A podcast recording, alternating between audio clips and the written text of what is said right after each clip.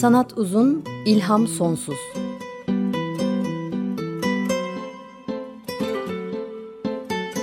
Sanat üzerine psikolojik sohbetler.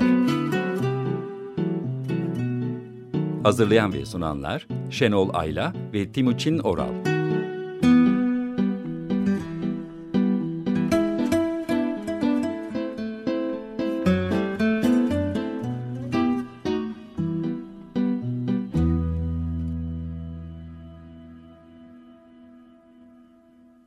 94.9 Açık Radyo'da Sanat Uzun İlham Sonsuz'dan merhaba ben Şenol Ayla. Teknik Masa'da da Barış Demirel var. E, Twitter hesabımız @sanat uzun. Podcast'ımız var biliyorsunuz ve program kayıtlarımız da var. Hepsi Açık Radyo.com.tr'nin programlar sekmesinin altından erişilebilir durumda. E, bugün Freud'un kulaklarını çınlatarak başlayacağım. Çünkü bir zihin sürçmesi sonucu bugünkü programdayız. Şöyle oldu tam olarak. Birkaç program önce yaşlılık üzerine konuştuktan sonra hmm, o programda kullandığım dokümanları bilgisayarda bir araya topladım ve e, klasörün adına da yaşlılık yazacağıma yalnızlık yazdım. E, Freud espriler ve bilinç dışı ile ilişkileri kitabında der ki hiçbir dil sürçmesi ya da espri durup dururken ortaya çıkmaz. Mutlaka bilinç dışı ile bir ilişkileri vardır. Yaşlılıktan sürçme ile yalnızlıkı çıkaran zihnim e, bilinç dışında çok belli ki bu ikisini aynı çekmecede tutuyor ve birbiriyle yakın ilişkilendiriyor. Yaşlılık yalnızlığı getiriyor benim zihinsel sürecimde diye düşündüm. Sahiden de böyle midir ki yaşlılık yalnızlıkla paralel midir? O günkü zihin sürçmesi yaşayınca, yaşanınca e, o halde yalnızlıktan konuşmak iyi olur diye de düşündüm. Sonuçta yaşlılıktan e, birkaç hafta daha sonra burada yalnızlık konulu programdayız. Sürçmelerde, bilinç dışında, tercihlerde ve mecburiyetlerde yalnızlıktan söz edeceğim. Ee, benim yalnızlık e, söz konusu olduğunda nedense en çok aklıma gelen şarkı Beatles'ın Eleanor Rigby şarkısıdır. Eleanor Rigby şarkısını bilirsiniz. Hani şöyle. Ah, look at all the lonely people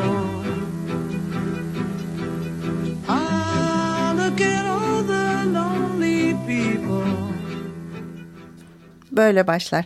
Peki bu şarkının sıradan bir şarkı olmadığını, tuhaf bir efsaneyle örülü olduğunu biliyor musunuz? Peki bilinç dışıyla ilişkisini?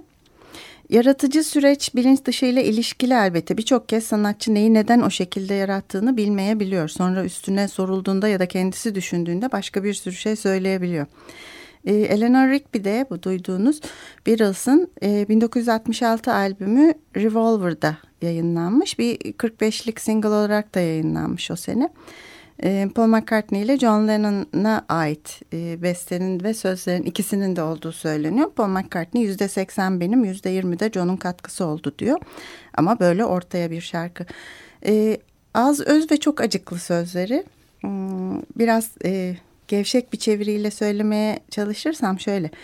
Eleanor Rigby kilisede atılmış pirinçleri toplar düğünün ardından. Bir düşte yaşar. Pencerede bekler kapının oradaki bir kutuda sakladığı yüzünü takınıp. Kimi bekler?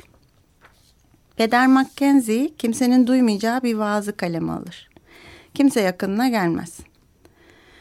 Bakın çalışıyor akşam. Kimse yokken çoraplarını yamıyor. Eleanor Rigby kilisede ölür ve adıyla birlikte defnedilir. Peder Mackenzie mezarından uzaklaşırken ellerindeki toprağı silkeler. Kimse kalmaz geriye. E, demin dinlediğimiz nakaratta da şöyle diyordu. Şu yalnız insanlara bak nereden gelirler, nereye aittirler. bir takım röportajlar yapılmış tabii. Bu şarkıyı nasıl yazdınız, nereden çıktı, kimdir bu Eleanor Rigby gibi e, Beatles üyeleri Paul ve John da bir takım cevaplar vermişler. Paul daha çok yüzde seksen ona ait olduğu için herhalde e, daha çok cevap vermiş. Yazmaya başladığında bu yalnız kadının şarkıda geçen kadının adının Eleanor Rigby değil Miss Daisy Hawkins olduğunu söylemiş. E, demiş ki bir akşam piyanoda oturuyordum ve aklıma birkaç akor geldi. E, sonra da bu ismi hatırladım Daisy Hawkins. Ve aslında ilk mısrada dökülüverdi. Daisy Hawkins kilisede Düğünden sonra pirinçleri toplar dedim. Ha, nedenini bilmiyordum. O gün de çok fazla düşünmedim. Bir kenara koydum bunları. Ee, sonra bir gün Peder McCartney olarak geldi aklıma pederin adı. Ve bütün bu e, yalnız insanlar nakaratı geldi aklıma. E, ama yazınca da düşündüm. Peder McCartney dersem e, insanlar benim babamın çoraplarını yamarkenki görüntüsünü gözlerinin önüne getirecekler. Onun için gittim. Telefon rehberini aldım. Açıp rastlantısal bir isim seçtim. O da Mackenzie'ydi e, der. E, daha sonra yıllar sonra da e, Eleanor Rigby'nin kim olduğuna dair şöyle şeyler de söylüyor Paul McCartney. E, Eleanor adı e, kısa bir süre önce bizim e, Help filmimizde o, e, başrol oynamış olan Eleanor Brown'dan geliyor aslında diyor. E, Rigby'de ben e, Bristol'de bir dükkan biliyorum. Rigby ve Evans Şarap ve İspirto Dağıtım Limited şirketi. Onun önünde kız arkadaşımla buluşurdum ve sanıyorum oradan geliyor diyor. Daha sonra 1984'te de diyor gerektiğinde e, 1984'teki bir röportajda diyor ki e, Eleanor Rigby'yi tercih ettim. Bütün bu hatıralardan ötürü değil sadece güzel bir fonetiği vardı ve şarkıya da uyuyordu diyor. Ama başka bir durum var dillendirmediği muhtemelen kendisinin de farkında olmadığı için söylemediği. E, Liverpool'da Woolton Village'daki St. Peters Kilisesi'nin e, mezarlığında bir mezar var. Mezar taşı var. Üstünde Eleanor Rigby yazan. E, ve burası 1957'de John ve Paul tanıştı, ilk tanıştıkları yer. Burada sık sık güneşleniyor ve laflıyorlarmış bu bahçede. Güzel bir mezarlık ve bahçeymiş. E, ve daha sonra bunun e, ortaya çıkardıklarında e, Paul McCartney diyor ki belki de gerçekten bilinç dışımda bu mezar taşının görüntüsü vardı. John'la da orada tanışmıştık diyor. E, daha sonra 2008'de bu söylediklerini reddediyor. Öyle bir şey olmadı diyor ama e, o sıralarda da bir doğum sertifikası bulunuyor Eleanor Rigby adına ve bu e, açık artırmada yüz binlerce e, pound'a satılıyor. O zaman da Paul McCartney diyor ki e, ya kurgusal bir sanat eserinin karakterinin gerçek bir karakter olduğunu ispat etmek için insanlar bu kadar para vermeye razılarsa benim diyecek hiçbir şeyim yok. E, ama benim e, gerçekten diyeceğim şey şu ki Eleanor Rigby sadece şarkıda vardır. Gerçek hayatta yoktur diyor. E, sonra Eleanor Rigby'nin geçmişine de bakıldığında aslında yalnız bir hayat sürdüğü şarkıdaki gibi ve genç bir yaşta 44 yaşında da öldüğü anlaşılıyor. E, mezar taşından esin bilinç dışından e, çıkıveriyor bu Eleanor Rigby'nin imgesi şarkı olup e, sonra da nereden çıktı bu şarkı diye sorduklarında yaratıcı bir sürü neden bulmaya çalışıyor. Tıpkı aslında bende yaşlılık derken yalnızlığın çağrışması gibi. Hiç bilinç düzeyinde olmayan bir mezar taşı algısı bir gün bir şarkıda su yüzüne çıkıp kendini gösterebiliyor. Bu gerçek olan Eleanor Rigby mezar taşının fotoğrafını da Twitter'dan paylaşacağım. Ee, dediğim gibi beş kişiyle birlikte yatıyor ailesinden beş kişiyle birlikte. Hmm, birisinin değerli eşi olduğu da yazıyor üstünde. Ee, ve belki de Lennon ve McCartney bilinç dışındaki bu mezar taşı imgesiyle Eleanor Rigby'nin yalnız öldüğü fikriyle yan yana koymuşlardı bütün bu imgeleri. Hmm, yıllar sonra e, tekrar e, bir açık artırmada bir takım şeyler satılıyor. Bunlar da 1911'de 16 yaşındaki Eleanor Rigby'nin imzaladığı bir işe giriş belgesi. Bu da mezar taşındaki tarih ve yaşla tutuyor. Gerçekten bu böyle isimli bir kızın ve kadının yaşadığına inanılıyor ve bu da açık artırmada gayet yüksek paralara satılıyor. Bütün bu olaylardan sonra McCartney de bir gün diyor ki belki gerçekten de bilinç dışımda bu vardı e, diyor ki kriptomnezi olduğunu da söylüyor kendisi. Bu serbest hafıza ya da gizli hafıza dediğimiz bir şey bilincimizde vardır. Bilinç dışımızda vardır. Onu hiç hatırlamayız ama sonra kendini başka bir şekilde ortaya çıkarır. Hmm, verilen isim. Daha sonra da zaten bu mezar taşının bir taklidini Free as a Bird e, kliplerinde de bunun da e, YouTube linkini linkini paylaşacağım. E, bu klip için yapılmış bir Eleanor Rigby mezarında görebiliyoruz. Artık şarkıyı dinleyelim mi?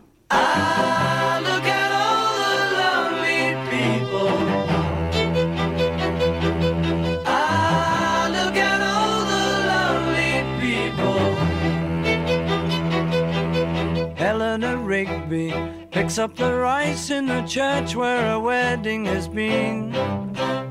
lives in a dream, waits at the window, wearing the face that she keeps in a jar by the door.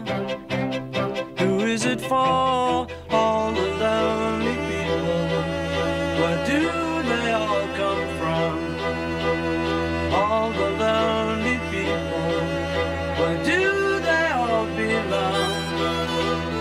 Father Mackenzie writing the words of a sermon that no one will hear. No one comes near. Look at him working, darning his socks in the night when there's nobody there. What does he care? All the lonely people. Where do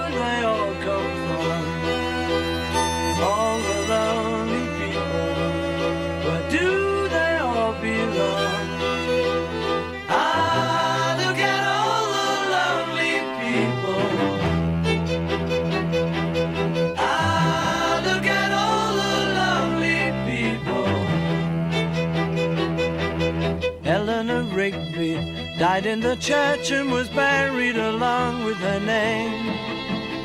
Nobody came, Father Mackenzie, wiping the dirt from his hands as he walks from the grave.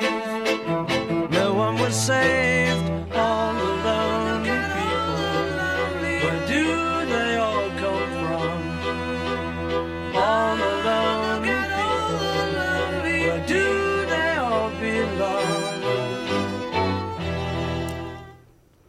94.9 Açık Radyo'da Sanat Uzun İlham Sonsuz'u dinliyorsunuz. En son Beatles'tan Eleanor Rigby e, dinledik. Uzunca bir süre e, birkaç dakika onun hakkında konuştuktan sonra 1966 kaydıydı. 28-29 Nisan'da kaydedilmiş e, ve 1966'nın 5 Ağustos günü de piyasaya çıkarılmış. Paul McCartney vokaldeydi, John Lennon e, da vokaldeydi, George Harrison da vokaldeydi ve büyük bir e, sanatçı orkestrası da cellolar, violalar, kemanlar çalıyordu. E, aynı zamanda Eleanor Rigby Yellow Submarine'le birlikte iki yüzlü bir e, A, iki tarafı da A olan bir single olarak, A yüzü olan bir single olarak da yayınlanmış 66'da. E, daha sonra Eleanor Rigby'nin bütün bu efsanelerden sonra bir de heykeli yapılmış. Hmm, Liverpool'da Stanley Caddesi üstünde. E, Tommy Steele tarafından yapılmış. E, o da buraya turist akımını arttırması bekleniyormuş. Gerçekten de öyle olmuş. Orada oturan bunun da Twitter'dan bir görüntüsünü paylaşacağım. Eleanor Rigby heykeli dediğinizde siz de bulabilirsiniz ya da bronz bir heykel. E, 128 santim yüksekliğindeymiş. 120 santim genişliğinde ve 96 santim derinliğinde bir bankta oturan bronz bir e, yalnız görünen bir kadın heykeli gerçekten de bu Eleanor Rigby. E, altında da e, Eleanor Rigby tüm yalnız insanlara e, ithaf eder diye yazıyor. Mezar taşından bilinç dışına, oradan şarkıya, şarkıdan heykele. E, Eleanor Rigby'nin peşinde yalnızlığın birkaç görüntüsüne baktık. Yalnız biriydi Eleanor Rigby şarkıda. Yalnız yaşayıp yalnız ölmüştü. Pek tercihi değilmiş gibiydi Eleanor Rigby'nin yalnızlık. Ya da Paul McCartney ve John Lennon tercih olmadığını düşünmüşlerdi. O da olabilir. Yalnızlık genellikle depresif olma ile depresyonla ilişkilendirilen bir durum. Sanki insanın kendi tercihi olamazmış, değilmiş, olmamalıymış gibi algılanıyor ilk bakışta. Halbuki bazen öyle oluyor, bazen öyle olmayabiliyor. Ee, önceki dönemde ki programlarımızdan birinde kendi tercihi olarak yalnız bir hayat yaşayan Emily Dickinson'dan bahsetmiştik. Evet melankolik bir kişiydi ama e, gene de kendi tercih ettiği bir yalnızlığı, zorunlu olmadığı bir yalnızlığı sürdürmüştü. 1830-1886 yılları arasında yaşamıştı e, Emily Dickinson. E, kendisi de kız kardeşle hiç evlenmeyip aileleriyle ömür boyu yaşamışlar ama e, Emily genç yaşta ölüm kavramıyla tanışmış. Kuzeni, yakın arkadaşı, çok sevdiği köpeği, e, yakınları ölünce o iki yıl kadar süren bir melankolik ruh haline e, girdiği söylenmiş. Uzun bir süre bu tabii ki. 31 yaşındayken en son köpeği öldüğünde de hmm, artık e, iyice arkadaşlarıyla görüşmekten çekinmeye, buluşmamaya başlamış ve kendisini şiire vermiş. E, 37 yaşına geldiğinde de artık kimseyle görüşmeyecek şekilde kendisini evine kapatmış. E, ziyaretçileri çok gelirmiş. Kapı arkasından onlarla konuşurmuş. Yüz yüze görüşmezmiş. Çok nadiren ortaya çıkarmış. Ama bunun yanı sıra da e, onu çok ziyarete gelen olmuş. Çünkü sosyal olarak aktif bir insan olmayı da sürdürmüş. Mektup yazarmış, notlarla düşüncelerini ifade eder. Bunu arkadaşlarına gönderirmiş. E, sanıyorum günümüzde yaşasaydı sosyal medyada çok aktif olurdu Emily Dickinson e, ziyarete gelin, gelen arkadaşlarına görüşmeyi reddetse de çiçek hediye edermiş, notlar yazarmış. Hmm, o zamanlar bunun umutsuz bir aşk deneyimi nedeniyle böyle olduğuna inanılmış. Ama bunun hmm, kanıtlanabildiği söylenmiyor. O zaman da bahsetmiştik. Daha çok bahçeyle uğraşıp çiçek kurutmuş ve çeşitli çiçek türleri yetiştirmiş ve kuruttuğu çiçekleri de e, Linnaeus sistemiyle botanikte kullanılan e, sistemle sınıflandırmış. Gerçekten de şairden çok bahçıvan olduğu düşünülmüş. E, yaşarken sadece yedi şiiri basılmış ve 56 yaşında genç bir yaşta öldüğünde odasına e, girdiklerinde 1800 kadar şiir bulmuşlar. Bunların tamamının yakılmasını vasiyet etmiş ama hmm, hiç bu yapılmamış. Sonraki dört yılda da şiirlerin neredeyse tamamı yayınlanmış.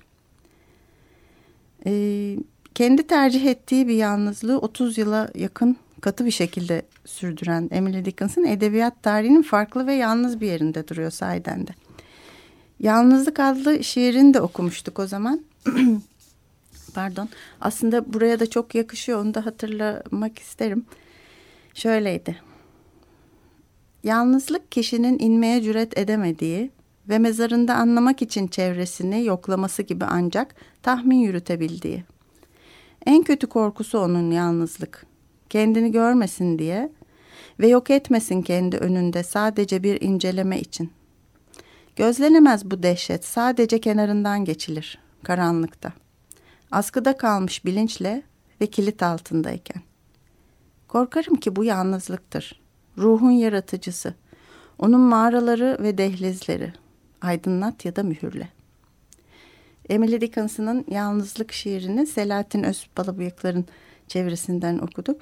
Ruhun yaratıcısı yalnızlık demiş. Bu da ilginçti. Bunu da e, daha sonra konuşacağız yalnızlıktan nerelere gidilebildiğini. E, şimdi Beethoven'ın Fa minör bir numaralı sonatının birinci bölümünü piyanoda Daniel Barenboim'dan dinleyeceğiz.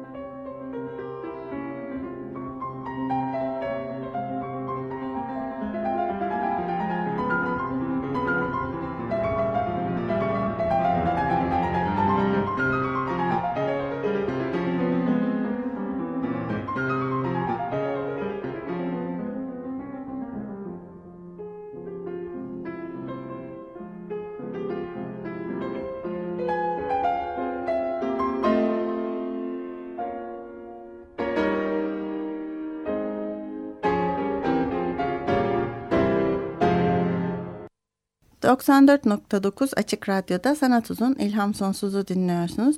Daniel Barenboim çaldı. Beethoven'ın Fa minör bir numaralı sonatının birinci bölümüydü. Ee, yalnız bir şiirden sonra yalnız bir piyano parçasıydı bana kalırsa. Gerçek bir karakterden e, bir şair olan Emily Dickinson'dan hayali bir karaktere Miss Havisham'a geçelim şimdi.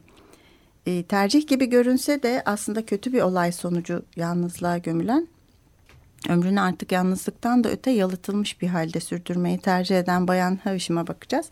Çünkü dünya edebiyatının çok özel yalnız kahramanlarından biri. O kadar yalnız ki e, zaman bile yaklaşamıyor yanına. Charles Dickens'ın Büyük Umutları 1861'de e, roman olarak yayınlanmış. Ama ondan önce 1860 aralığıyla Ağustos 1861 arasında e, All the Year Round e, adlı haftalık dergide de tefrika olarak yayınlanmış. E, okuyanlar bilir e, Pipin kahramanımız Pipin ağzından anlatılır. E, Philip aslında adı. Kendisi küçükken çok e, adıyla soyadını telaffuz edemediği için Pip diye e, kendi adını e, söylemiş. E, Pip'in kendi ağzından onun hayatını e, okuruz önemli bir kısmını. E, fakir ve köyde yaşayan bir gençtir Pip bilirsiniz.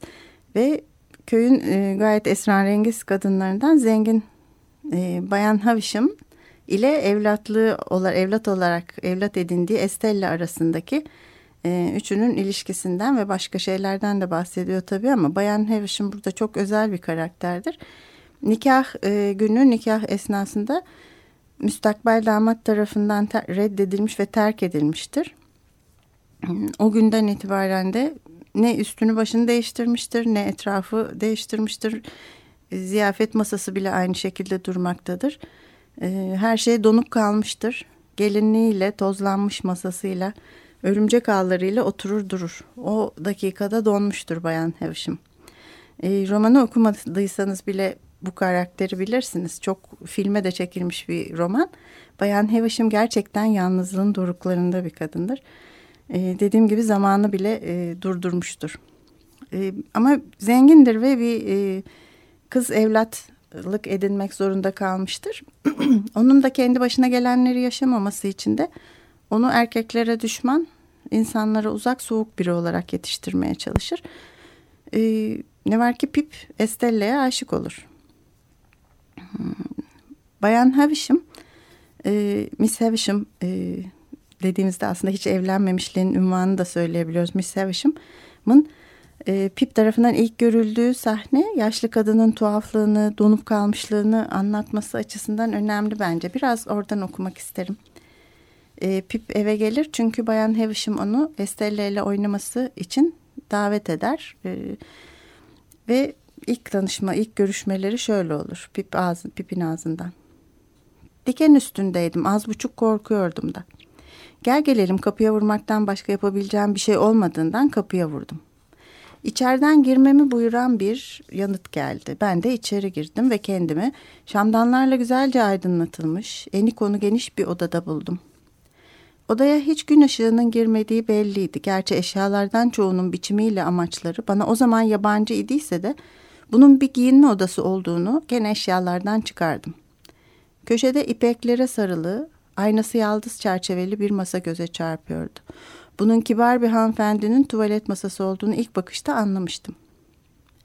Masa başında oturan kibar hanımefendi olmasa bu gerçeği böyle ilk bakışta anlar mıydım bilemeyeceğim. Bir koltukta dirseğini bu masaya başında eline dayamış olarak görüp göreceğim hanımefendilerin en acayibi oturmaktaydı. Tepeden tırnağa ağır kumaşlara bürünmüştü. Atlaslar, danteller, ipekliler hepsi de bembeyaz. Ayakkabıları beyazdı. Saçına uzun beyaz bir duvakla gelin çiçekleri takmıştı ya. Saçları da bembeyazdı. Boynunda ellerinde takılar ışıldıyordu. Masanın üzerinde de başka takıların parıltısı vardı. Sırtındakinden daha az tantanalı olan bir sürü giysilerle yarı açık bavullar dört bir yana saçılmıştı. Hanımefendinin giyinmesini daha bitirememiş olsa gerek ki ayakkabılarından bir tekini giymişti öbür tek masanın üzerinde elinin yanında duruyordu.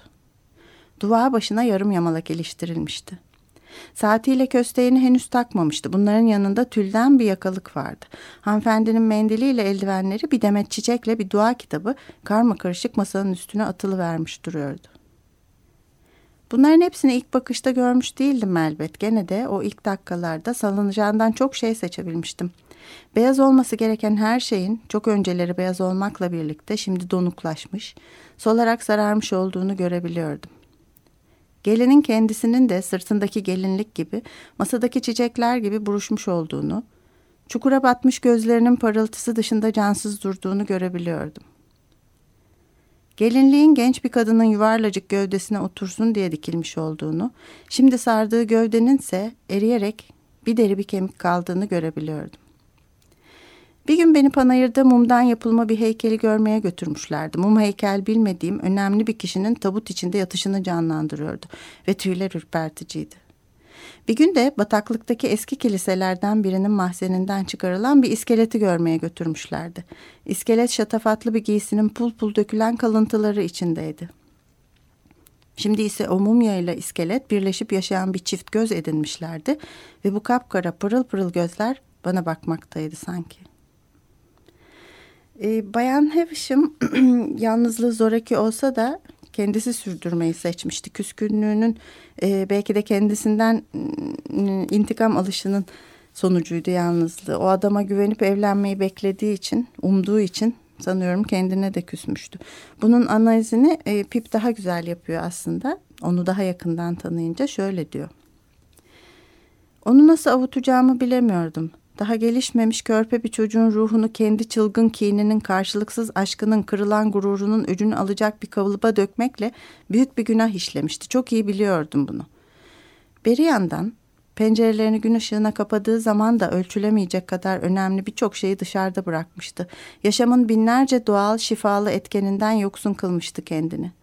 Yapayalnızlığı içinde tek bir düşüncenin batağına saplanan usu hastalanmıştı. Nasıl ki Yaradan'ın kurduğu, buyurduğu düzeni tersine döndürmeye kalkan bütün uslar önünde sonunda hastalanırlar, hastalanacaklardır. Kaçınılmaz bundan. Bunu da çok iyi biliyordum. Şu dakikada ona acıma duymadan bakıyor, böyle bir yıkıntıya dönüşmesinin, içinde yaşadığı dünyaya ters düşmesinin, kocaman bir saplantı olup çıkan boşuna kederinin ona en büyük ceza olduğunu görebiliyordum. Ee, kitabın çok sonuna doğru Pip bu kanıya varar e, varır. Çünkü Bayan Havisham hem ona hem Estella'ya çok fazla çektirir. Hastalıklı yalnızlığı sadece kendisini değil yanına sokulanların hayatlarını da mahveder. E, onun yalnızlığı çok başka bir kapanma. Çok hastalıklı ve abartılı.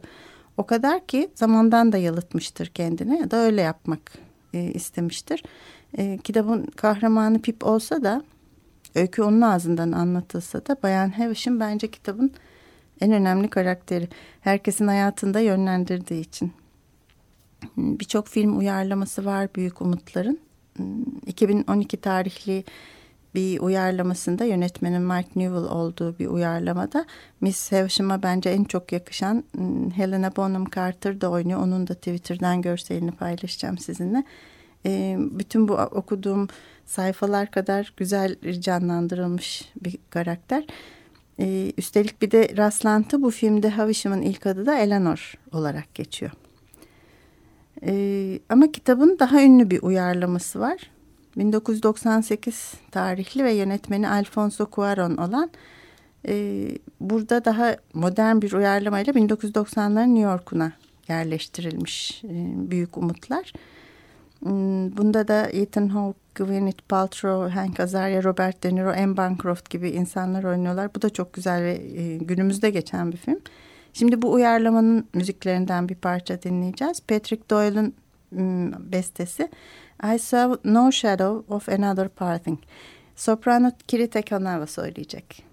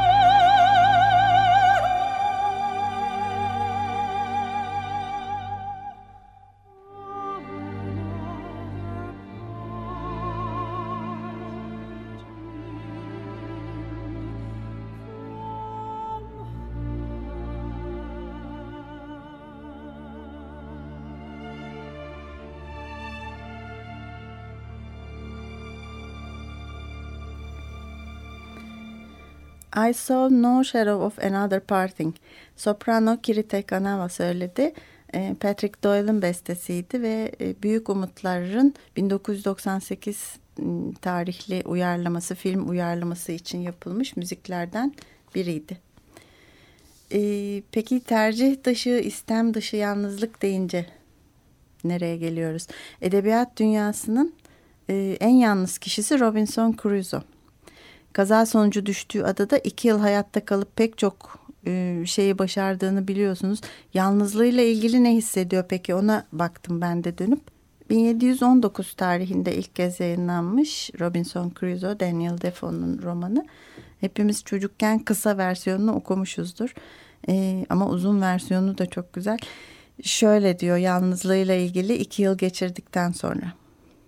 Artık güz dönümünün yağmur mevsimi başlamıştı ve adaya ayak basışımın yıl dönümü olduğu için 30 Eylül'ü yine öncekiyle aynı dinsel havada geçirdim. Şimdi burada iki yılım dolduğundan ve bu adadan kurtulmak için geldiğim ilk günküne göre daha fazla umut beslemediğimden bütün günü alçak gönüllülük içinde inziva koşullarım ve yokluğu halinde kesinlikle daha çok sefillik çekeceğim bir yığın harika lütuf için şükran sunarak geçirdim.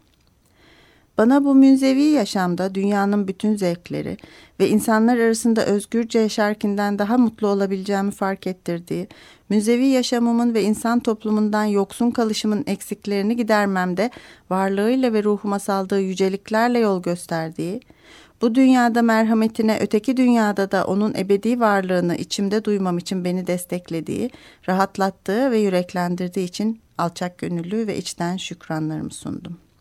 Bütün bu sefil koşullarıyla şu anda sürdürdüğüm yaşamın beni geçmiş günlerimdeki ahlaksız, lanetlenmiş, berbat yaşamımdan çok daha mutlu ettiğini artık aklım başıma gelerek anlamaya başlamıştım. Şimdi bütün üzüntülerimi, sevinçlerim, arzularım, farklılaşmış endişelerimin yönü değişmiş ve keyif aldığım şeyler ilk gelişimden bu yana, daha doğrusu geçmiş iki yıl boyunca tümüyle yenilenmişti. Ee, evet Robinson Crusoe da iki yıl hayatta kalmaya çalıştıktan sonra çok farklı bir yere geliyor. Artık e, daha önceki hayatından daha mutlu, daha iyi olduğunu, bu yalnızlığın insanlardan, toplumdan uzak bu müzevi yaşamın kendisi için çok daha hayırlı, iyi olduğunu ve daha mutlu olduğunu söylüyor.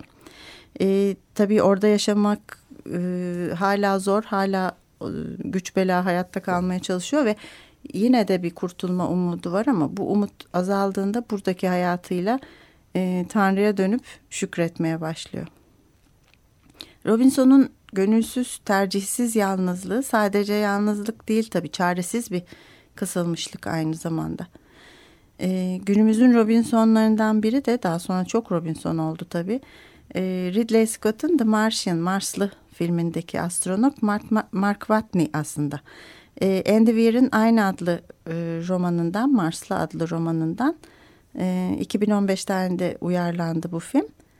Astronot, astronot Watney bir hata sonucu öldü sanılıp Mars'ta bırakılır. Hmm, diğer mürettebat Mars'tan ayrılınca hem kendi başına burada yaşamaya, hayatta kalmaya tıpkı Robinson gibi hem de buradan dünyaya dönmeye çalışır. Yine tıpkı Robinson gibi. Hmm, aslında e, e, romanı yazan Endevir yalnız e, ve deprese bir e, astronot Whitney çizmeyi kabul etmediğini söylüyor. Yazarken böyle hissetmemiş, onun yalnızlığını hissetmemiş. E, filmde de aslında çok fazla bu hissedilmiyor. Ridley Scott da filmin yönetmeni Ridley Scott öncelikle onun yalnızlığı ve Robinson'u andırmış halinin altını çizmek isterken aslında daha sonra hiç izole olmadığını onlarca kamerayla sürekli dünyadan gözlenen tam da tersi bir ortamda olduğunu düşünerek hmm, çok da Robinson gibi izole olmadığını ön plana çıkarmış.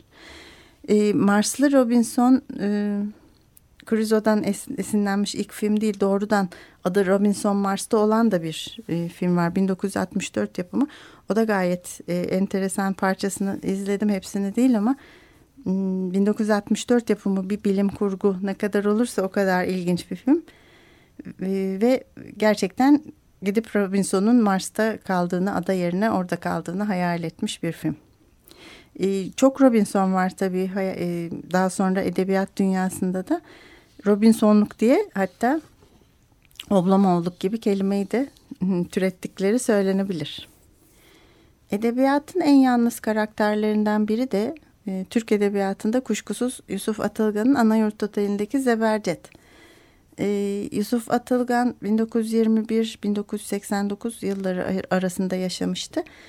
E, ilginç bir hayatı var onun kendisinin de. Ee, İstanbul Üniversitesi Edebiyat Fakültesi Türk Dili ve Edebiyatı bölümünü bitiriyor ve öğretmenlik yapmaya başlıyor ama e, Türkiye'nin tarihi de tekerrürden ibarettir dedirten bir yaşam oluyor. Öğrenciliği sırasında Türkiye Komünist Partisi'ne e, katılarak faaliyetlerde bulunduğu iddiasıyla sıkı yönetim mahkemesi tarafından tutuklanıyor. Mahkum ediliyor hapse. Ee, daha sonra onay hapis yattıktan sonra öğretmenlik yapma e, hakkı da elinden alınıyor ve çiftçilik yapıyor. Danışmanlık, çevirmenlik, redaktörlük yapıyor e, ve kitaplarını yazıyor. E, Anayurt Odeli de onun çok önemli bildiğiniz e, romanlarından. E, romanı okumayanlar da Ömer Kavur'un yönettiği filmini hatırlayacaklar. 1986 yapımı bir filmdi bu. Ömer Kavur'un yönettiği. Macit Koper, Şahika Tekant ve Serra Yılmaz oynuyorlardı. E, gayet de güzel bir filmdi ve bu sene İstanbul Film Festivali'nin biliyorsunuz her yıl ıı, farklı bir filmi restore ederek yeniden çıkardıkları Türk klasikleri yeniden e, bölümü var. O kapsamda bu yıl İstanbul Festivali içinde Anayurt Oteli tekrar restore edilerek izleyiciyle buluşturulmuştu. Gösterimi yapıldı tekrar. E, filmi de kitabı kadar güzeldi. E, o konuyu bilirsiniz. Kasabada bir Anadolu kasabasında geçer. E, oradaki Anayurt Oteli'nin katibidir Zebercet. E, kişilik bunalımı da vardır. Kişilik özellikleri de zordur ve yalnızlık çekmektedir. Otele gelip bir gece kalan esrarengiz e, bir kadın da bütün tek düze hayatının hem tek düzeliğini hem de düzenini bozar. Bir düşün peşinden bütün yaşamı bastırdığı duyguları sorunları ortaya çıkmaya başlar. E, giderek e, o kadının geri döneceğinden de emin değildir ama bekler. E, döneceğini söylemiştir çünkü kadın. O kadını bıraktığı odaya taşınır. E, o kadında olduğu düşler görmeye başlar. Sonra giderek daha yalnız kalmak istemeye başlar. Otele gelen müşteriler de onu rahatsız etmeye başlar. E, giderek müşteri kabul etmeme durumuna kadar e, vardırır durumu. E, Zebercet'in yalnızlığı hem kişiliğinden kaynaklanırken hem tercihi hem de maruz kaldığı bir durum. E, ama yalnızlığının içinde kendisini iyi ya da iyi demeyeyim de rahat hissediyor. Yalnızlığını o kadar büyütüyor ki dediğim gibi giderek otele gelen müşterilerin varlığı bile onu rahatsız ediyor. E, romandan bir parça okumak istiyorum. Aşağıya indi, koltuğuna oturdu. Emekli subay ona bakıyordu. Gençleşmişsiniz dedi. Sağ olun efendim. Masanın kıyısından gazetesini alıp açtı. Konuşmak istemiyordu adamla. Sağ ayağının küçük parmağındaki nasıra dokunuyordu yeni ayakkabı. Sessizce çıkardı, ayaklarını oynattı. Sihir ilacı sormayı unutmuştu. Parmağına baktı. Ufalmıştı sanki. O köyde ocağı varmış bunun. Ayakkabılarını giydi. Kadın ütüyü bitirmişti. Odanın kapısını kapayıp merdivene yürüdü. Önünden geçerken bakmadı. Emekli subay bir sigara yakınca o da yaktı. Öksürmemek için yutkundu. Bu gece güllüye bakacaktı. Otel sessizdi. Ara sıra kapının önünden geçenlerin ayak sesleri, araba sesleri geliyordu. Bir de çalar saatin tıkırtısı. Saat beşe doğru duvardaki düğmeye uzandı, ışıkları yaktı. Emekli subay kıpırdadı, elindeki gazeteyi masaya bıraktı, kitabını aldı. Adamın öğle sonraları geceleri salonda oturuşu zeberceti tedirgin ediyor. Yalnızlığının rahatlıklarına, söz gelimi eskiden olduğu gibi arada kalkıp salonda dolaşmasına, seyrekte olsa gerektikçe burnunu karıştırmasına engel oluyordu. Demin ayakkabılarını çıkarıp giyerken ses çıkarmamaya çalışmış, öksürüğünü yutkunarak güçlükle bastırmıştı. Salonda oturan olmazdı pek. Kimi zaman 5-6 kişilik gezici tiyatro toplulukları kalırdı otelde. Bir geceliğine kalırlar, oyundan sonra bir süre burada otururlardı. İşlerden, paradan söz eder, tartışır, sigara içerlerdi. Çay yapardı onlara. Ee, Zebercet e, rahatlığından ödün vermemek için giderek daha da yalnız kalmaya, daha da içine kapanmaya çalışıyor. Ve her şeyi bunun etrafında kurmaya başlıyor. Ama bir yandan da insanlarla birlikte olma isteği de var. Onu da okurken görüyoruz. Ee, gidip insan içine de karışmaya çalışıyor ama bunu da çok hmm, başaramıyor. Ee, Zebercet'in yalnızlığı Robinson'unkinden e, çok farklı aslında değil mi? Robinson yalnızlığa rağmen hayata tutunmak için çabalarken Zebercet adeta bir an önce gideyim der gibi hayatın kıyısında dolaşıyor e, Zeberde, Zebercet'in kişilik özelliklerini ve sorunlarını daha da büyütüyor yalnızlığı ama e, yalnızlık rahatlık bazen. Hatta birçok sanatçı yaratıcı üretim için bir zorunluluk olduğunu da söylüyorlar. E, onlara da aslında haftaya bakacağız. Çünkü yalnızlık burada e, bir programda bitirebileceğim kadar kısa olmadı. E, şimdi bir de daha sonraki haftaya bakacağımız üretim için gerekli zorunlu olan yalnızlıklar var. E, bugün programın sonunda yine 1998 tarihli Büyük Umutlar filminin soundtrackinden bir parça dinleyeceğiz. E, bu film boyunca sizin de bildiğiniz Besame Mucho parçası çok çok duyulur ve çeşitli versiyonlarıyla kısa kısa duyulur arkada çalar. Ama filmin soundtrack'i çıktığında bir tane e, Besame Mucho parçası vardır. Şimdi biz onu dinleyeceğiz. E, Cesaria Evora söyleyecek Besame Mucho'yu. Ee, ondan sonra e, de haftaya tekrar yalnızlığın devamında buluşacağız. İstediğiniz oranda yalnız kalacağınız bir hafta dilerim. Hoşçakalın.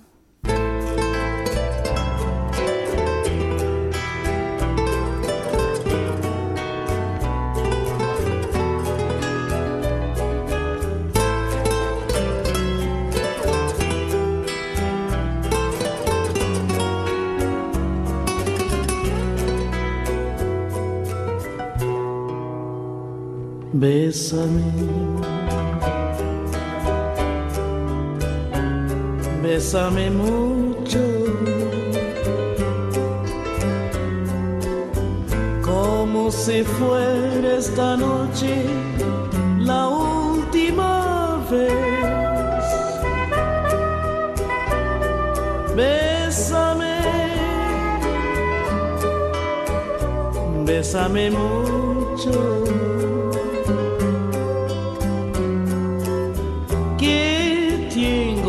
Tenerte y perderte después. Bésame, bésame mucho, como si fuera esta noche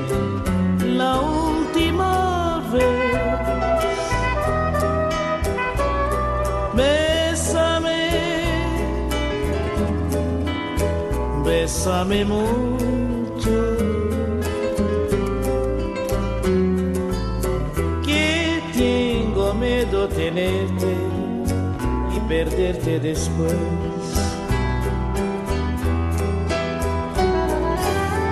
Quiero tenerte muy cerca, mirarme en tus ojos, verte junto a mí.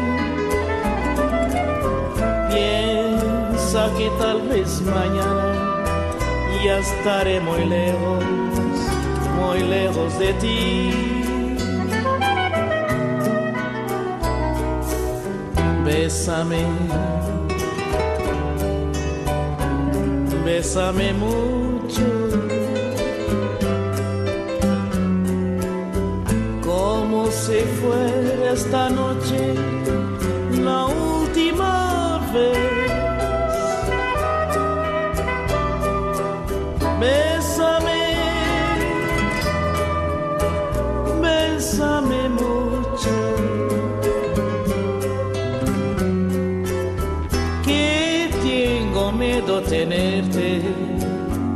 Perderte después.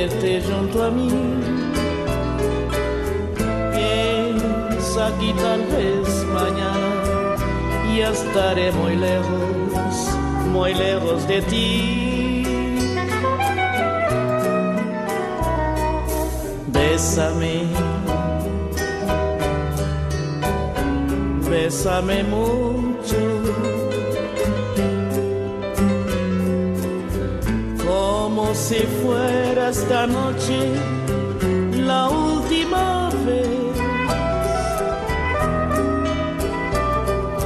Bésame, bésame mucho. que tengo miedo tenerte y perderte después.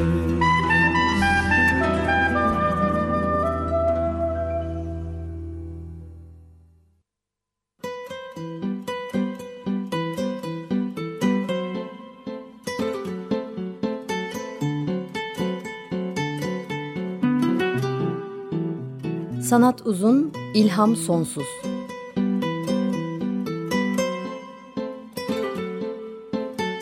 Sanat üzerine psikolojik sohbetler. Hazırlayan ve sunanlar Şenol Ayla ve Timuçin Oral.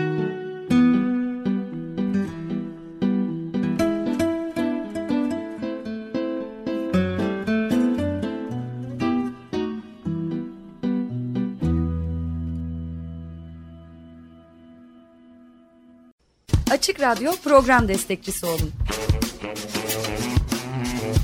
Bir veya daha fazla programa destek olmak için 212 alan koduyla 343 41 41.